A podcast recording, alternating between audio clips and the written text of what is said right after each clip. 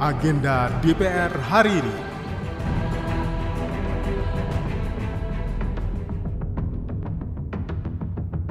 Halo apa kabar? Saya Tiara Mustika kembali mengajak Anda mencermati agenda kerja Wakil Rakyat hari ini, Kamis 2 Februari 2023.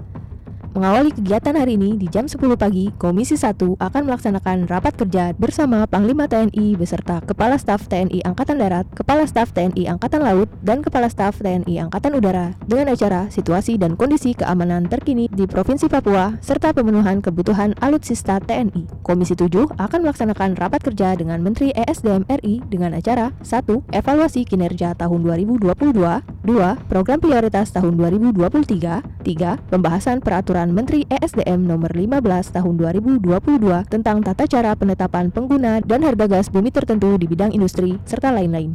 Komisi 3 akan melaksanakan rapat dengar pendapat umum dengan Ikatan Alumni Fakultas Hukum UI, Mahardika Attorney at Law, serta Kresna Guntaro and Partners Law Office.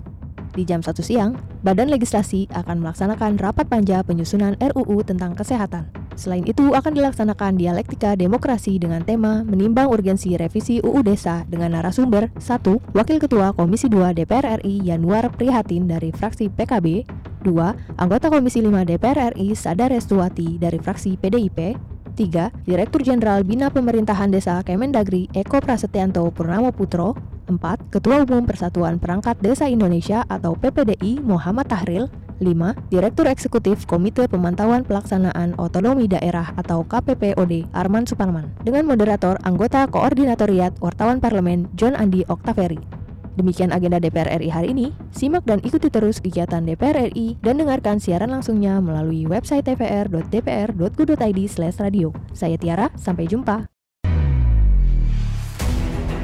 Agenda DPR hari ini.